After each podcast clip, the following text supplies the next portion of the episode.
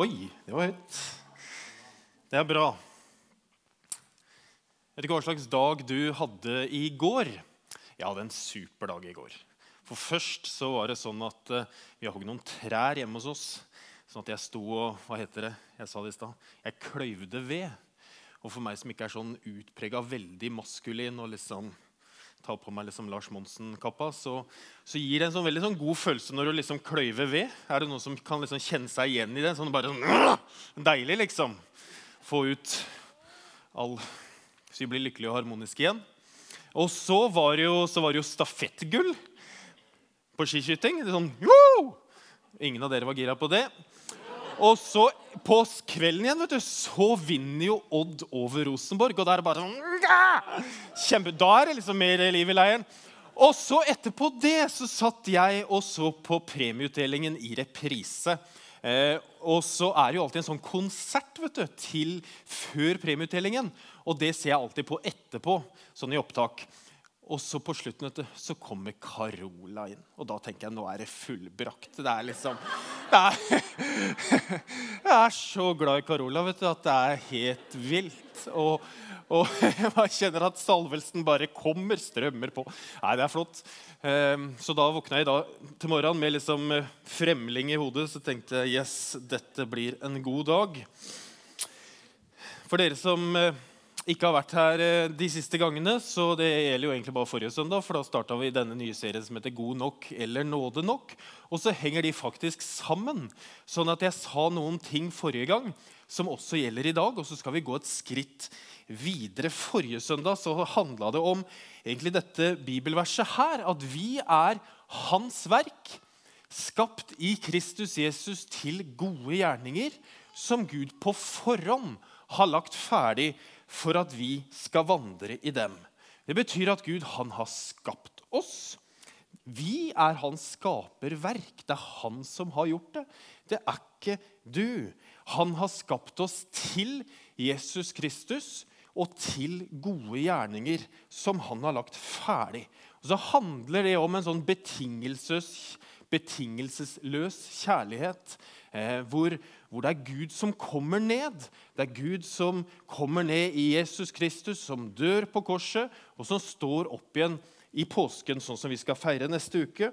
Og så snakka vi om forrige søndag at gjennom det så vil han vise oss sin overstrømmende kjærlighet og hvor rik han er på nåde i Kristus Jesus. Det vil han vise oss. Og så utfordrer jeg dere litt til å tro på det. Men det handler om at vi kan hvile i at Gud elsker oss. Vi kan hvile i at det er nåde nok for meg. At vi kan slappe av og liksom senke skuldrene på det. At det er nåde nok. Jeg er god nok for Gud fordi han er god nok. Så kan vi hvile i det, og så kan vi begynne å gå i de ferdiglagte gjerningene som han har lagt for oss. Det var forrige søndag. Og så er det jo sånn at eh, selv om man tror på Jesus, selv om man tar imot han og blir han og blir venn med han, så er det ikke sånn at vi ikke møter noen utfordringer. Det er jo sånn at Vi møter masse utfordringer. Noen møter jo faktisk flere utfordringer etter at de begynner å tro på Jesus. Og så står det et bibelvers som er på en måte en sånn nøkkel for mange kristne når de, møter, eller når de tror på Jesus og, møter han, og også når de møter vanskeligheter. For det står i 2. Korinterbrev står det at 'den som er i Kristus, er en ny skapning'. Se, det gamle er borte. Det nye er blitt til. Og Det er Paulus som skriver dette, som har skrevet halve Det nye testamentet. og skriver altså, Hvis du er i Kristus, så er du en ny skapning. Det gamle er borte, og det nye er kommet til. Og så tenker jeg liksom, Hvordan henger dette sammen? For det er jo ikke sånn at når du tar imot Jesus, så forsvinner alt det gamle. Det er jo ikke sånn. Er det sånn? Er det sånn at hver dag vi står opp, er en ny dag med blanke ark og fargestifter til? Er det sånn? Vi har jo alle vår historie, som vi har snakket om i menighetens historie i åtte uker. Vi har jo alle vår individuelle historie, vår fortelling. Noen minner, noen som er gode, og noen som er dårlige. Og så er det noen av oss som bærer med oss gjester. Jeg vet ikke om du har hatt noen gjester som aldri vil gå. Har du det? Jeg har hatt det. Jeg tror til og med jeg har vært en sånn gjest selv som aldri vil gå. Men noen av oss har gjester i livet som kommer uten invitasjon, og som er eh, invaderende. De varsler ikke at de kommer, men plutselig er de der. De kommer på besøk til oss uten at vi har invitert dem. Og Det som kjennetegner dem, er at de er fulle av følelser. Sterke følelser som ingen andre ser. Det er bare du og Gud som vet om de gjestene som kommer. Paulus han skriver et brev da, som er kopia her, til menigheten i Korint. Hvor han da skriver altså, det som, Den som er i Kristus, er en ny skapning. Det gamle er borte. Se, det nye er kommet til. Er det så enkelt? Eller handler det om noe dypere? Et litt dypere perspektiv? Forrige søndag vi at, eh, leste vi også dette, at i Kristus Jesus har han reist oss opp fra døden sammen med ham og satt oss i himmelen med ham. Det handler om at det er noe som begynner i dag, som fullføres i himmelen. Vi er her på jorda nå, men samtidig så har vi vårt bosted i himmelen fordi han har reist oss opp. Det er noe som har begynt, og som blir fullført når vi kommer til himmelen. Og På samme måte er det kanskje med den nye skapningen. At vi er en ny skapning. Det gamle er borte. Og så blir det fullført endelig når vi kommer til himmelen. Fordi fortsatt har vi jo med oss historien vår, minnene våre og gjestene som aldri vil gå.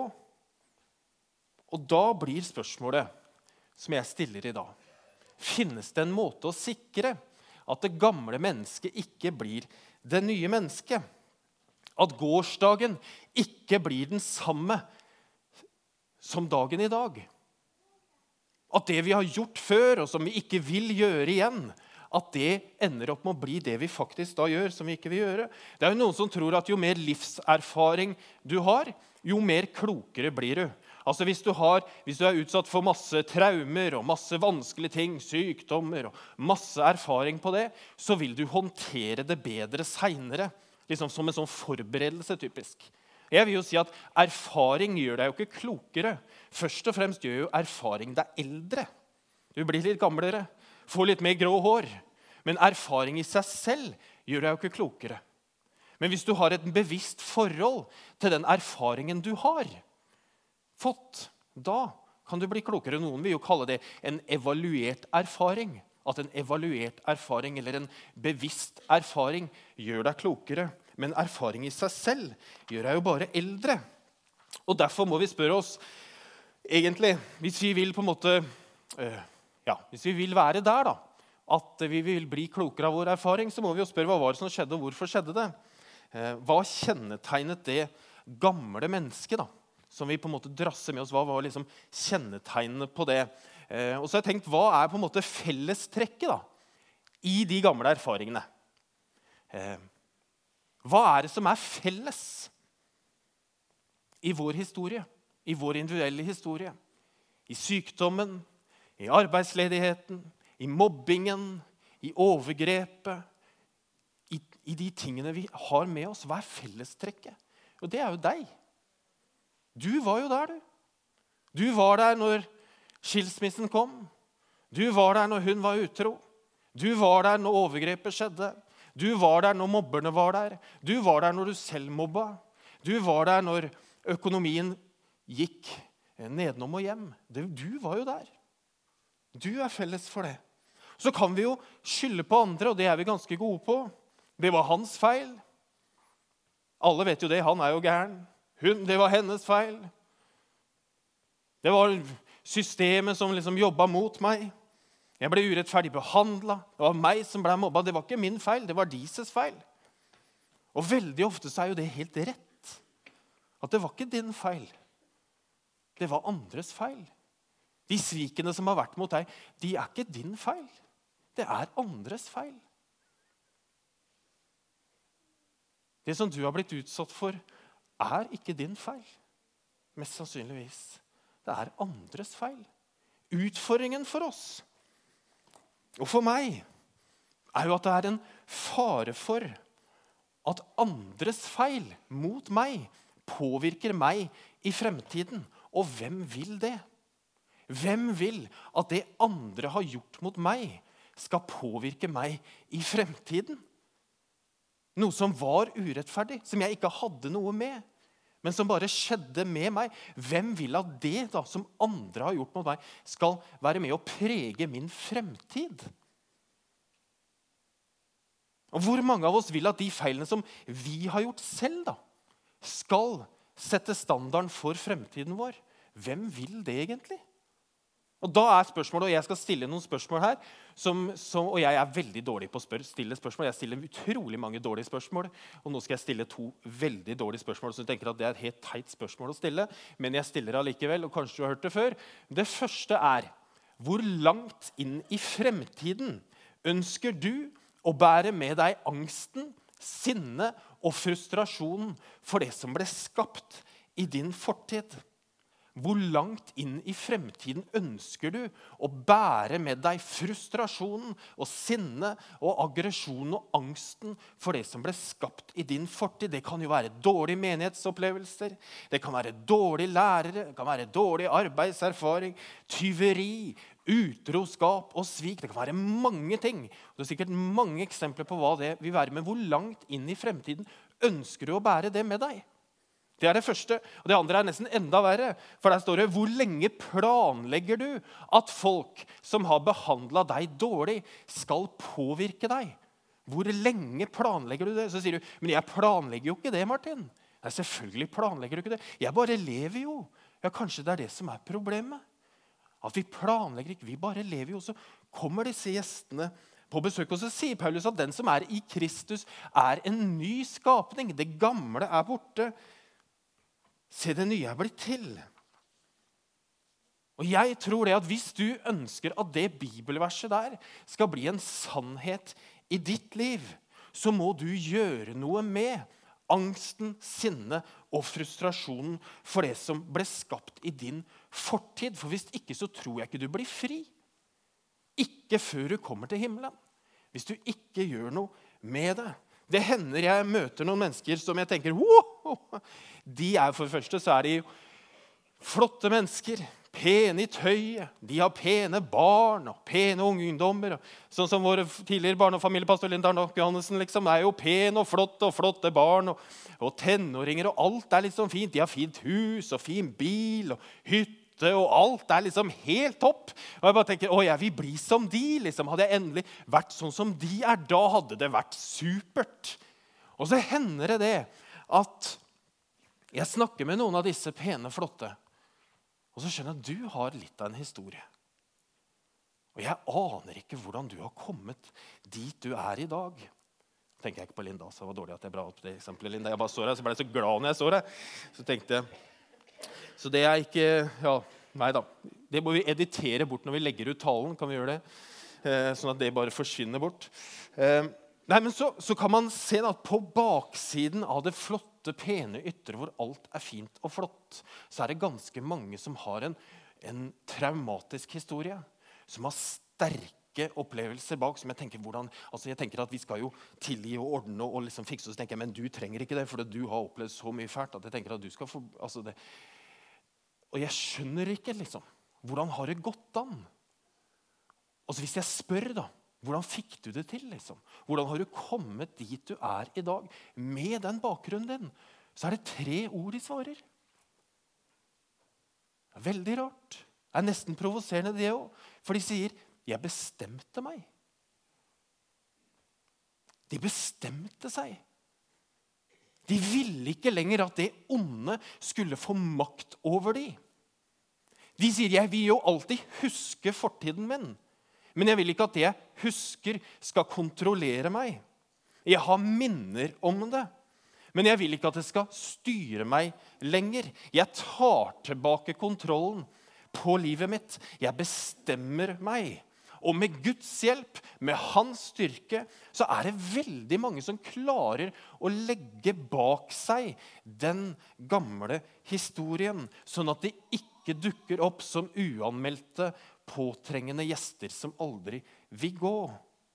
For Jeg tror at du må, gi, du må finne en måte å gi slipp på fortiden, slik at fortiden kan slippe tak på deg. I kristen tro så heter dette tilgivelse. Tilgivelse er ikke å glemme. Tilgivelse er ikke å si at det er greit. Men tilgivelsen den gir oss tillatelse til å lære av fortiden uten å måtte bære rundt på byrden av den. Det er en så fin setning at jeg nesten skal si det en gang til. Tilgivelse den gir oss tillatelse til å lære av fortiden uten å måtte bære rundt på byrden av den. Det finnes altså en måte å bryte denne kjeden mellom det som har skjedd i fortiden din, og det som ligger i fremtiden din. Og i kristen tro kaller vi det for tilgivelse. Og Det er der vi kommer til det Paulus skriver i Efeserbrevet. For der skriver han nemlig i 2,6 at blir dere sinte, så synd ikke. Og la ikke solen gå ned over deres vrede. Det er et fint bibelvers å tale ut ifra. sant? Eh, blir dere sinte, så synd ikke, og la ikke solen gå ned over deres vrede. Det betyr at du kan bli sint. Det er lov å bli sint, men synd ikke. Det finnes jo mange ting å være sint for. Jeg kan jo finne på ting hele tiden som jeg kan bli sint. Jeg trenger ikke finne på det engang, for det ligger så nære av ting jeg kan bli sint på. Ikke ta det personlig. Men det finnes altså en måte sier Paulus, å bli sint på som ikke er å synde. Og Så sier han 'synd ikke'. Og så tenker jeg, Da må jo det bety at jeg faktisk kan gjøre noe da, for å ikke synde, men fremdeles være sint, og at det er greit. Henger dere med? For det står ikke 'la solen gå ned over deres vrede'. Og så lurer jeg av og til på, Handler det om 24 timer, eller kan man strekke den litt? Det er jo noen enkle ting man kan bli sint for. Eh, og Jeg sa til Maria i går, at min kone, at jeg må bruke deg som eksempel. For det er liksom du som er sint. Det er jo aldri jeg. Eh, men hjem, er, det, er, det, er, jo da tre eh, gutter, eller menn eller, ja, det, Jeg er jo mann, og det er to andre gutter på fem-åtte år hjemme hos oss. Så det, det, som vi ofte, eller ikke vi, men som Maria ofte blir sint på hjemme hos oss, er jo, er jo knytta til dobesøk. Fordi man tisser på lokket, man tisser på ringen, man tisser rundt. Og så blir man jo ekstra hvis man har tissa på ringen og man ikke tørker opp. Da hender det at noen blir sinte. Og det er jo en sånn sinne som man på en måte, det, det kan man klare å håndtere innen 24 timer. Jeg har lest en fantastisk bok av en som heter Karsten Isaksen, som er gammel, som heter 'Sint, sant, sunt'. Um, og den, jeg tror den er skrevet i 1990 omtrent. og Han forteller historien om at han var og besøkte et ektepar som hadde vært gift i 50 år. De feira gullbryllup, er det ikke det, Solveig, når når man er 50 år? Og så intervjua han de, de, For de hadde dette på en måte bibelverset her det hadde de som, på en måte, som, eh, som, som det, grunnlag for sitt ekteskap. At De, skulle ikke være, altså, eh, de skulle ikke la solen gå nedover deres vrede, og de hadde tolka det dit hen at de skulle ikke være sinte på soverommet. Så de kunne være sinte i stua, sinte på do, de kunne være sinte på kjøkken. De var sinte, og det var ganske høy temperatur. Jeg skjønte han kanskje det var ganske høy temperatur i det hjemmet, eh, men de var ikke sinte på soverommet. Og så spurte han mannen har du i løpet av disse 50 årene vurdert skilsmisse? Og så sier han nei, det hadde han aldri vurdert, faktisk. Men mord det hadde han vurdert ganske mange ganger. Så det ja, Veldig bra det lo av den. Det, det finnes altså, men det finnes et sinne dere, som er for stort til å håndteres innen 24 timer. Et sinne som krever mer tid enn det sinnet man får ved dårlig dobesøk. Og jeg lurer på hvor mange soloppganger trenger du for å kunne håndtere sinnet ditt? Trenger du en måned? Et halvt år? Et ekteskap til, kanskje? Men jeg tror at du kan bestemme deg for hvor lenge du skal sinnet ditt la det prege deg. For det trenger ikke være for evig. Og Paulus, Når han fortsetter, så skriver han 'gi ikke djevelen rom'. Det er ikke ofte vi bruker liksom ordet 'djevel'. og det, det, er jo I den norske oversettelsen det står 'djevel'. På den greske grunnteksten så, så står det egentlig 'anklageren'. Den falske anklageren. Han som kommer med sladder. Han som lyver. Han som vi kan kalle en gjest som aldri vil gå. Som ikke inviterer, men som invaderer. Hva betyr det 'gi ikke anklageren eller djevelen rom'? Det betyr jo det. Og vi skal ikke gi ham plass i livet vårt. Vi skal ikke invitere han inn i vårt åpne kontorfellesskap og si at 'her kan du bygge og bo'. Han skal ikke få bygge rom i livet ditt. Sinne pga. fortiden din skal ikke få ødelegge fremtiden din. Han skal ikke få bygge og bo. Og det fins en måte å håndtere dette sinnet på. Men hvis du ikke gjør det, da gir du anklageren en mulighet til å bygge noe inn i fremtiden din pga. noe som skjedde i fortiden, og som du da blir styrt etter. Og så jeg på, Hvordan skal vi forstå dette bibelverset Gikk ikke djevelen rom'? Hvordan skal vi forstå hva Paulus mener? Så jeg tenker, Går det an å bytte ut det navnet djevel med et annet? Kan man gjøre sånn? Og så kan man si 'Gi ikke Jens rom'. Gi ikke pappa rom. Gi ikke mamma rom. Gi ikke læreren rom. Gi ikke tante rom. Gi ikke overgriperen rom. Så kan man sette et navn der, og så får en helt ny mening. Ser du det? Og så kan vi be om at Gud skal få den plassen i stedet. At han skal fylle det rommet. At Jesus skal fylle det rommet istedenfor Jens eller mamma eller bestemor eller pappa som alltid fortalte deg hvor udugelig det var. Ikke la solen gå ned. Jeg tenker at det betyr gjør noe med det. Gjerne så raskt som mulig. Kanskje det blir du som sier at 'jeg bestemte meg'. Jeg vet at min fortid har formet meg, men den kontrollerer meg ikke. Jeg vet at min fortid den har skada meg også, men den har ikke ødelagt meg. Jeg vil ikke at den skal diktere fremtiden min. Paulus sier Vær gode mot hverandre. Vis medfølelse og tilgi hverandre slik Gud har tilgitt dere i Kristus. Tilgi hverandre, sier Paulus. Det er kjempekrevende når vi snakker om dette. Tilgi hverandre slik Jesus har tilgitt dere. Hvorfor det? Jo, fordi tilgivelsen kan sette deg fri. Og så trenger du ikke vente på den andre, for mest sannsynligvis tenker ikke den andre på dette i det hele tatt. Og hvis du skal bli satt fri, så må du gå først, før solen går ned over din vrede. Men så sier du 'Jeg har jo tilgitt dem mange ganger'. Det funker ikke. Og så er det et, et sånn dumt spørsmål igjen. Har du tilgitt dem egentlig? Har du tilgitt dem generelt, eller har du tilgitt dem spesifikt. Det er jo noen som lager en liste. Jeg har laga mange sånne lister opp igjennom. Konkret over hva jeg trenger å tilgi folk for. Hva de har tatt fra meg. Helt konkret. Det kan jo være barndom. Det kan jo være ungdomstid. Det kan jo være hva som helst. Men jo mer konkret den listen er, jo bedre er det. Men Noen ganger må vi jo lage listen sammen med andre med en psykolog eller en sjelesørger eller en prest eller en pastor. At vi finner et sted hvor vi kan sette ord på disse vanskelige tingene. Der vi har blitt svikta, og der vi kanskje også har svikta andre. Og når du har skrevet denne listen, så vil noen si at noe magisk skjer. Og så skal vi ikke snakke om at noe magisk skjer i kirken. Der sier vi heller kraftfullt. Du, ser, du kan se to ting at veldig ofte så kan de ikke betale tilbake det de har tatt fra deg. Det er det ene. De kan ikke betale det tilbake. Det går ikke. Og det andre er at det kan ikke rettes opp. Det er for seint. Og hvilke andre muligheter har du da enn å tilgi? Hvilke andre muligheter har du? Du kan være sint og bitter og kjenne på frustrasjon. og aggresjon gjennom hele livet.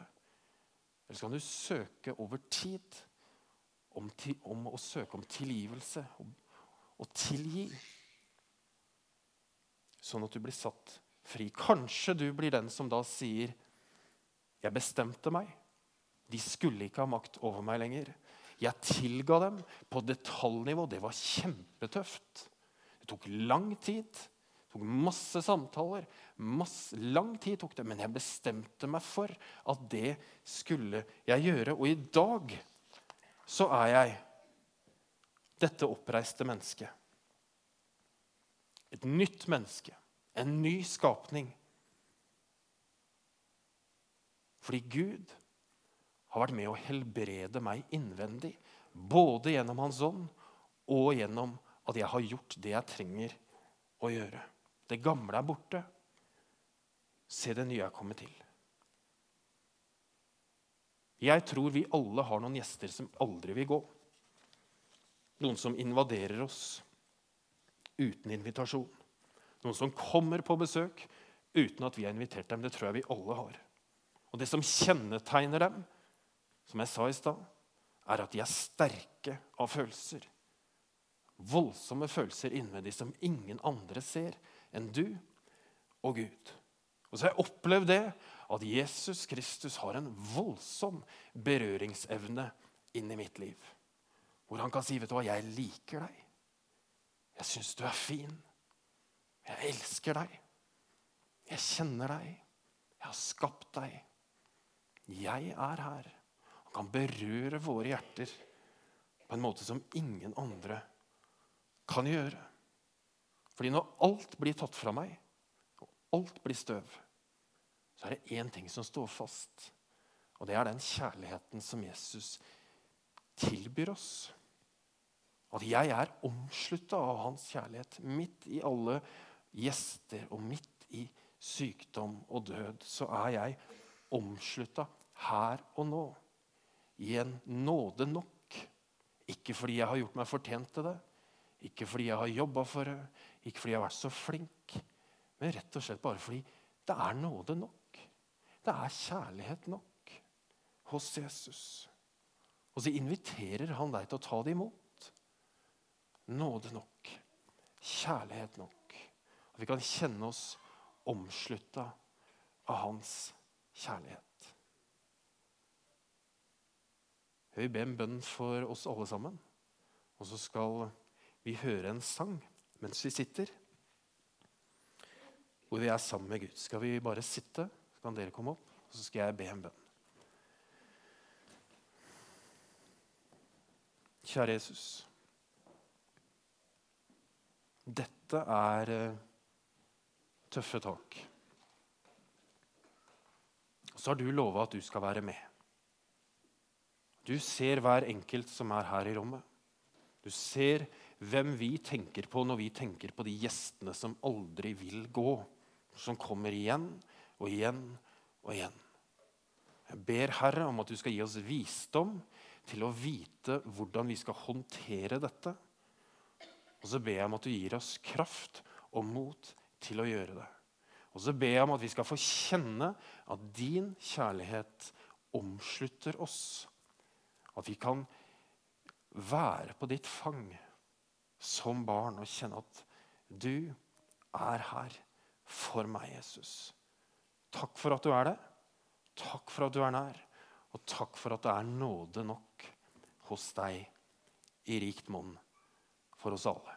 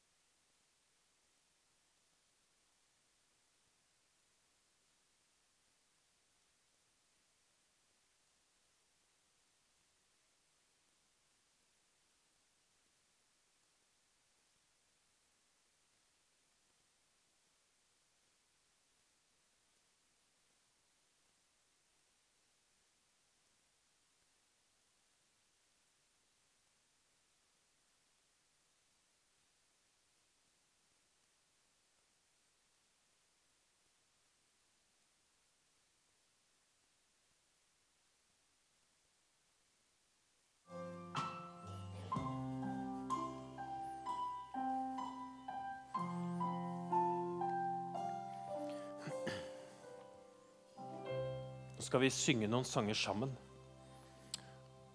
Og som alltid på gudstjenestene så har du mulighet til eh, å sitte eller å stå